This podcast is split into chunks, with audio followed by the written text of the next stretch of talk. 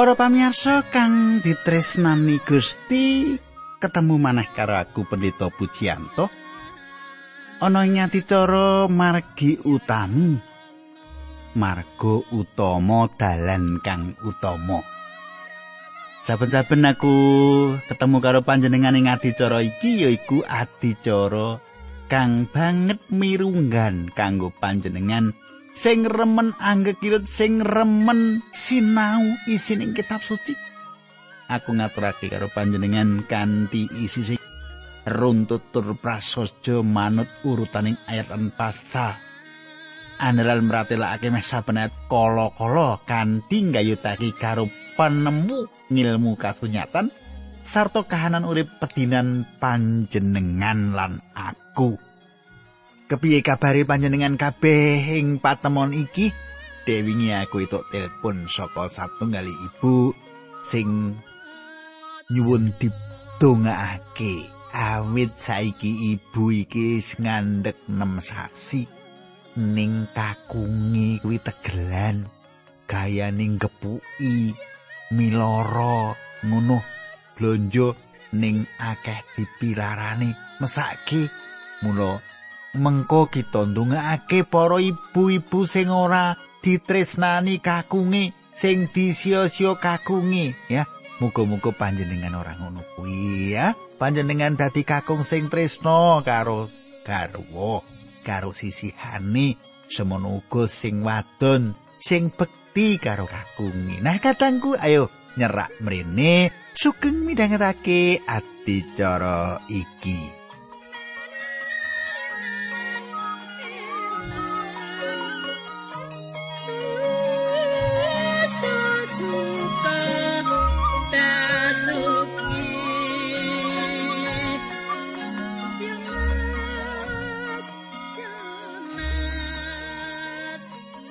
Para pamirsa, ing patemon iki aku nerusake apa ing puluh pitu wis paripurna. Nalika semono aku ngaturake Yakub ketemu karo Yusuf dikenalake karo Sang Prabu Perengon.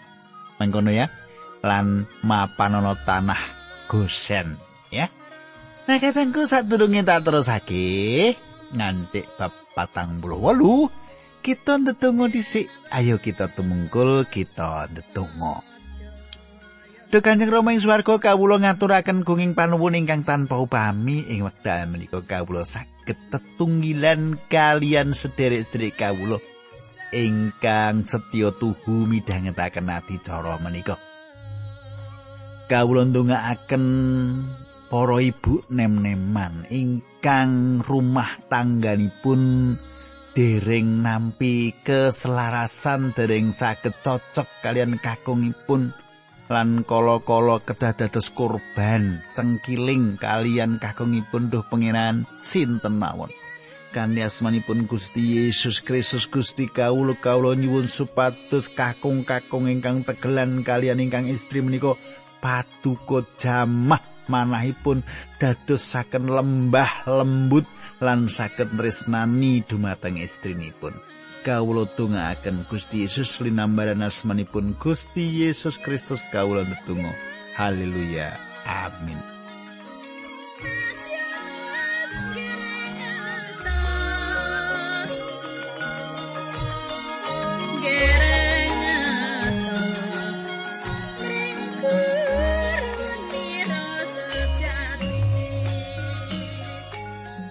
Para pamirsa, nganti pasal patang puluh wolu. Ing pasal patang puluh iki nyejarahake urip karohanen urip kasukmane Yakub ing Mesir. Ing pungkasane uripe Yakub sang saya cedhak karo Gusti Allah. Saben cangkah tumuju kamenangan katanggu tansah ana tantangan. Tansah ana pambengan. Yakub lan Yusuf wis nglewati pambengan-pambengan wis nglewati pancoban pacoban iku makabeh ing mangsa wis padha tuwa Yakub lan uga Yusuf ngrasakake edipenining hasil kapiandele marang Gusti Allah. Yakub wis sepuh mesti wae kuarasane gampang keganggu. Nanging semangate kadidene abdine Allah ora luntur. Mula nalika Yusuf lan anake loro padha keparingan berkah ing serat Ibrani dipratelakake marang kita mengkene. Ibrani 11 ayat selikur. Marga saka pracaya ngarepake sedane Rama Yakub berkahi para putrane Rama Yusuf karo sumende ing tekeni lan saos bekti marang Gusti Allah. Ing pasal iki ing bab iki arep ngaturi wawasan kaya ngapa tuwuhing karohanene Yakub. Ing umur 147 Yakub wis kebak pengalaman. Ing pungkasan jangkaing uripe Yakub katitik kasukmane sing mateng ngener marang kaluhuran lan kamulyane Gusti Allah. Iman dene nalika isih enom. Yakani Allah ing uripe. Pancen urip iku kaya dene munggah medune dalan ing lempengi gunung. Ana kalane nalika isih enom duweni urip kasukman sing api nriti nanging bareng wis dadi tuwa banjur dadi wong morsa. Owawan saka urip kebak pamurang sarak dadi urip sing nyondongi kersane Allah iku dudu kaya wong main sulapan. Balikke tangan nanging wawan iku nyoto ditoto saka dasare ati sing anyar banjur ambyar blabar ngebaki saranduning urip.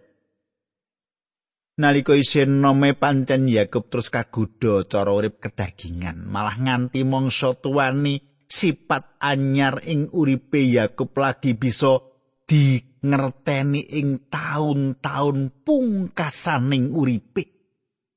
Katengku. Patrap urip kasukman kita ora bisa dadi apik kala-kala. Tata kasukman kita ora bisa dadi apik kala-kala ora bisa tukul sak dek sak nyet nalika ngrungokake wong maringi paseksi sing ngedapi banjur kaya-kaya tuwuing kapiyandelan ngremboga ngrembuyung. Nanging urip kita iki urip kita iki hamba nyumili kaya dene Syekh Rahmat sing lumintir kaya ilining banyu. Terus terus terus lan terus. Ing loro Petrus 3 ayat 12 mangkene surasane padha saya mantep panggonmu suminde ing sih rahmate Gusti.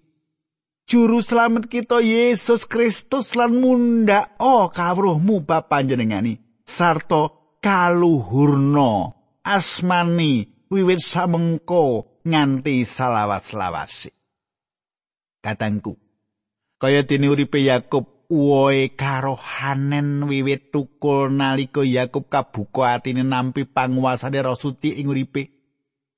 Uripe Yakub sing prasasat kayu sing wis kobong kanthi kesabaran Allah makarya nganti dadi prabot sing maedai. Mengkono uga panjenengane Allah sing Maha Asih harap terus makarya ing urip kita kanthi sabar. Nganti bisa dadi piranti sing dipeni ing ngarsane. Panjenengan kersa makarya kakarya ing astane Allah? Sumindeo wiwit dina iki ing panjenengani Purwaning dumadi patang puluh wolu ayat siji nganti telu tak wacake jenengan kata iki. Ora let Yusuf dikabari yen bapake lara, mulane banjur mangkat ngajak anake loro ya kuwi Manase lan Efraim. Nalika krungu Yusuf teko Yakub ngetok kekuatane supaya bisa njenggelek banjur lungguh ing peturoni. Telatune marang Yusuf Allah kang Maha Kuwasa wis ngetingal marang aku ana ing lus ing tanah kenaan lan berkayaku. Katangku kanggo lungguh wae Yakub ngetok kekuatane iki ateges yen jantunge wis ora prakosa meneh. Nanging bareng Yusuf lan anak-anake teko kaya-kaya kekuatane tukul meneh. Yusuf anak sing ditresnani sing ilang lan ketemu meneh iki duwe daya kang ndadekake semangate uripe Yakub. Apa meneh saiki Yusuf wis dadi panggedhing Mesir dadi sangsaya gembiraake dadi sangsaya marakake atine asukorno lan dadi pamecut ing uripe Yakub senadyan. Senadyan dina-dina iki dina pungkasan kanggo Yakub. Waktu pungkasan ing urip wis cedhak kanggone Yakub. Wis pitulas taun lawase manggon ing Mesir dina iku Yakub kanthi rekoso lungguh ing sisi Gerdin papan turune nerawang pikirane menyang lelakon-lelakon sing wis kepungkur ing lus nuli kondo karo Yusuf. Yusuf sing mau kuwasa Allah kepareng tinggal marang aku ing lus tanah kenaan kepareng berkayaku. Kadangku kandhane Yakub iki minangka tondo imane lan pangarep-arepe marang Allah. Sifat gemet gedhe adigang adigung adiguna sing biyene dinggo ndel-ndelan ing uripe wis ora katon maneh. Saiki sang saya katon nglangut pengalaman uripe kebak kaluputan dosa. Ora setya lan nanging kabeh wis dipungkasi sarana nugrahaning Allah. Kepareng manggi Allah pribadi lan kersa berkahi uripe. Purwaning dumadi patang puluh wolu ayat papat pangan dikani Gusti Allah. Kowe bakal ndak paringi anak putu akeh. Supaya anak turunmu dadi bangsa pirang-pirang tanah kenaan iki bakal ndak paringake marang anak turunmu dadi darbing salawas-lawasi. Katengku kang ndak tresnani ayo ndak aturin liti apa sing dikandhake Yakub sesambutan karo perjanjian Allah ing perjanjian lawas lan perjanjian anyar. Panjenengan ing Allah wis kersa paring janji, paring prasetyo marang para leluhur bangsa Yahudi, bapa Abraham, bapa Ishak lan bapa Yakub. Prasetyo iku ana telung prakara. Prasetyo kuwi ana telung prakara. Yaiku bangsa tanah utawa lemah lan berkah. Nang sing dikondeli Yakub janji sing dipengendikake Allah sing isine kurang luwih ingsun sing ngersakake kowe bebranahan. Ingsun arep yasa keturunanmu dadi para bangsa. Ingsun uga sing kepareng maringake tanah iki marang keturunanmu dadi darbee ing selawas-lawase Kadangku perjanjian sing katelu sing wigati kanggo panjenengan. Aku lan kabeh manungsa yaiku sekabehing bangsa sing percaya marang panjenengane bakal diberkahi. Sekabehing bangsa sing percaya marang panjenengane bakal kaberkahan. Janji-janji sing dibolan baleni ana ing kitab suci iki kudu terus kita sinau. Kudu terus kita simak awit tumekali dina iki wis ana rong protelon. Prasetyo janjine Allah pangeran sing wis diwujudi kadangku menawa wis ana sing diwujudi ora suwe bakal ngujuti janji prasetyo sing liyane. Mulo saiki ayo padha bebarengan ngabekti karo Gusti Allah sing tenanan. Kita wis ngerti tondo-tondo sing diparingake Gusti Yesus marang kita ning kono-kono dumati peperangan wong mikirake awake dhewe wong seneng ngorbanake wong liya kanggo kepentingan-kepentingane awake dhewe sing sejatine kepentingan-kepentingan mau kotong mlompong ora ana apa-apane. Kadangku panjenengan kudu wis eling, wis sadar nek jamane wis kuno. Wong ora mikir meneh piye ngluhurake Gusti Allah ning sing dipikirake kepiye supaya aku etuk kaluhuran. Panjenengan iso ngrasake iki katangku? Ana ngreja dadi majelis moh medun-medun. Wis kepenaken bang wonten sangune wang jabatan sedasa ewu. Niku gereja mereka-mereka nggih panjenengan ya ora nggih. Nah saiki kita terusake Purwaning Timati patang puluh wolu ayat 5. ayat 6 ya 5 lan 6 Yusuf ngger anakmu Efraim lan Manase sing lair ing tanah Mesir sadurunge aku tekan kene kuwi ndak pe anak kuwi anakku ora beda karo Ruben lan Simeon Yen kue duwe anak meneh anak mau ora ndak anggap anakku nanging tetep dadi anakmu warisane kajupukake saka warisane Efraim lan Manase Kadangku putune Yakub loro-loro niki bakal nurunake bangsa-bangsa kejaba Yusuf. Anake Yusuf dadi rong bangsa yaiku Efraim lan Manase dadi gunggunge ana telulas bangsa lan Lewi sing ora kepitung dadi bangsa sing kebagian palemahan. Mulorolas suku bangsa Israel ana suku Manase lan ana suku Efraim nanging ora ana suku Yusuf senadan ana suku Lewi suku iki kajibah nurunake para imam dadi ora klebu rolas suku Israel. Kepiye kersane Allah ing bab petungan pembagine suku-suku ing bangsa Israel iki ora kita ngerteni. Temtu Gusti Allah pangeran kagungan kersa sing wigati tumrap manungsa kabeh yaiku kersane kita manungsa ora bisa nape. Umure mana selane Efraim wetara pitulas taunan sebab lairi sak durungi Yakub sak brayat teko ing Mesir. Kadangku coba panjenengan persani kaya ngopo tresnane Yakub marang Rahel nganti meh titi wanci Yakub ketimbalan wae isih ngiling-ngiling Rahel garawani sing wis ndisi laku sowan menyang ngarsane Allah.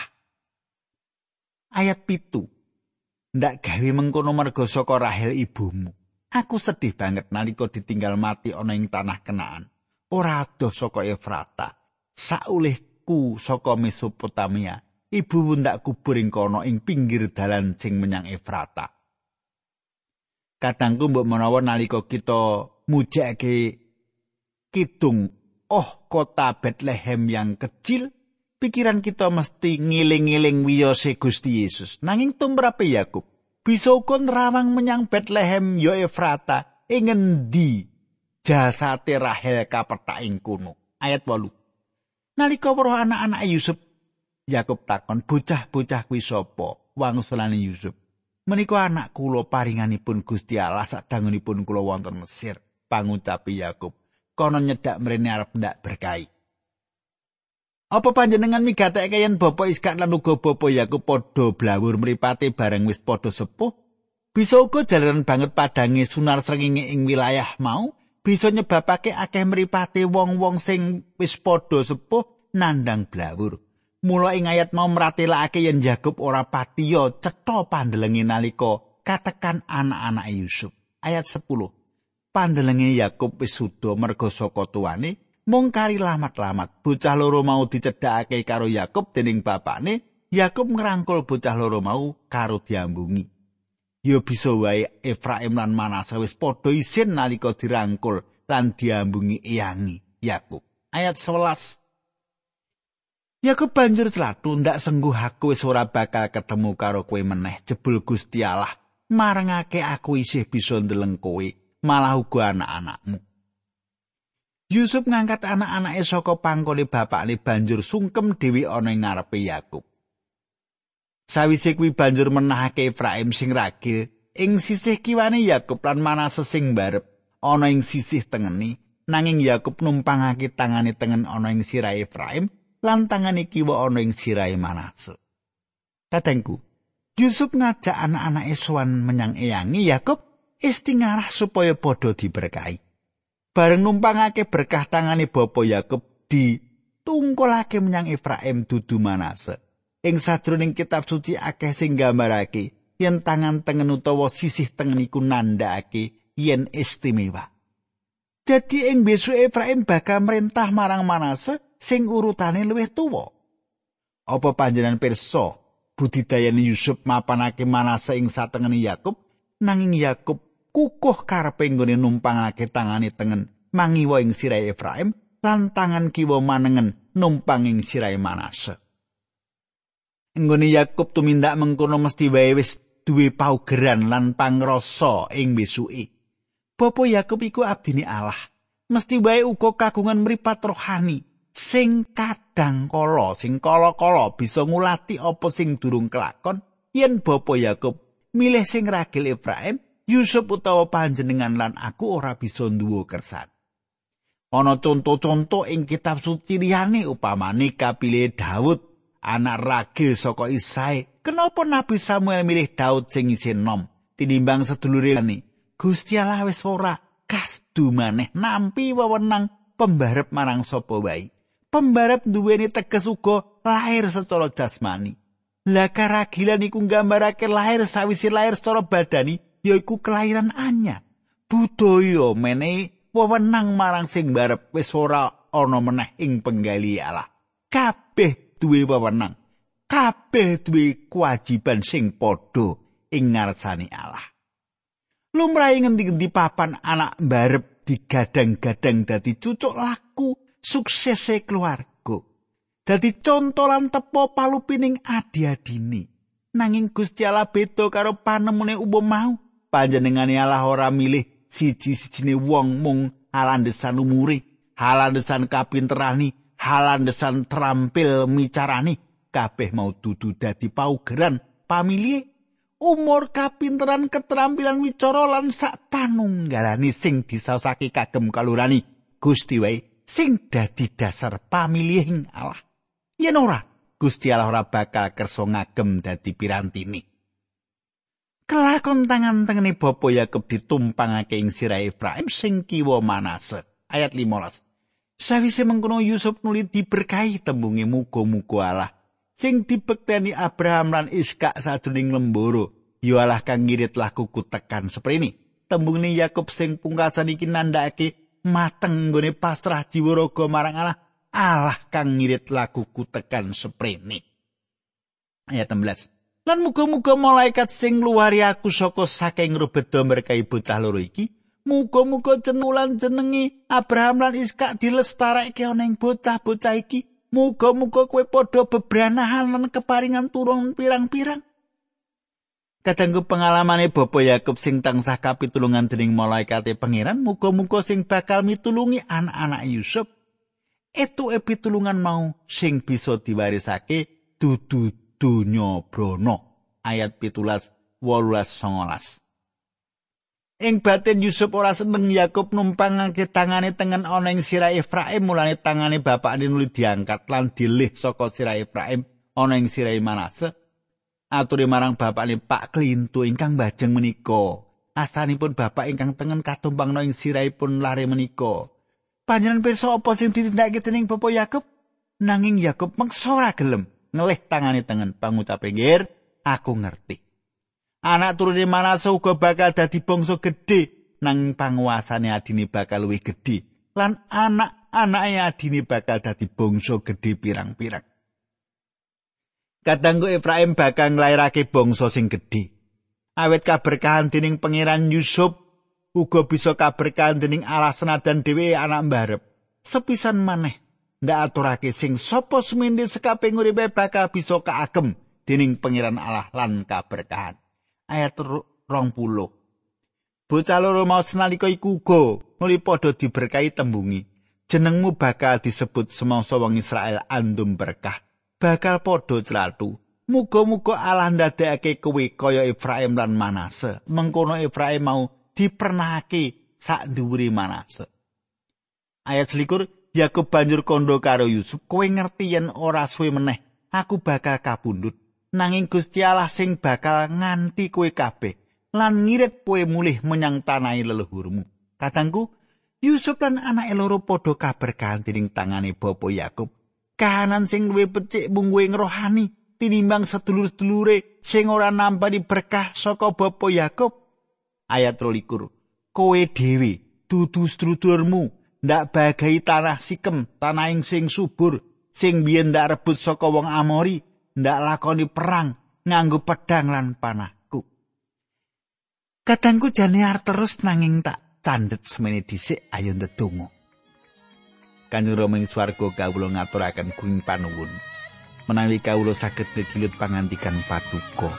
Dinambaran asmanipun Gusti Yesus Kristus kawula ndonga. Haleluya. Amin.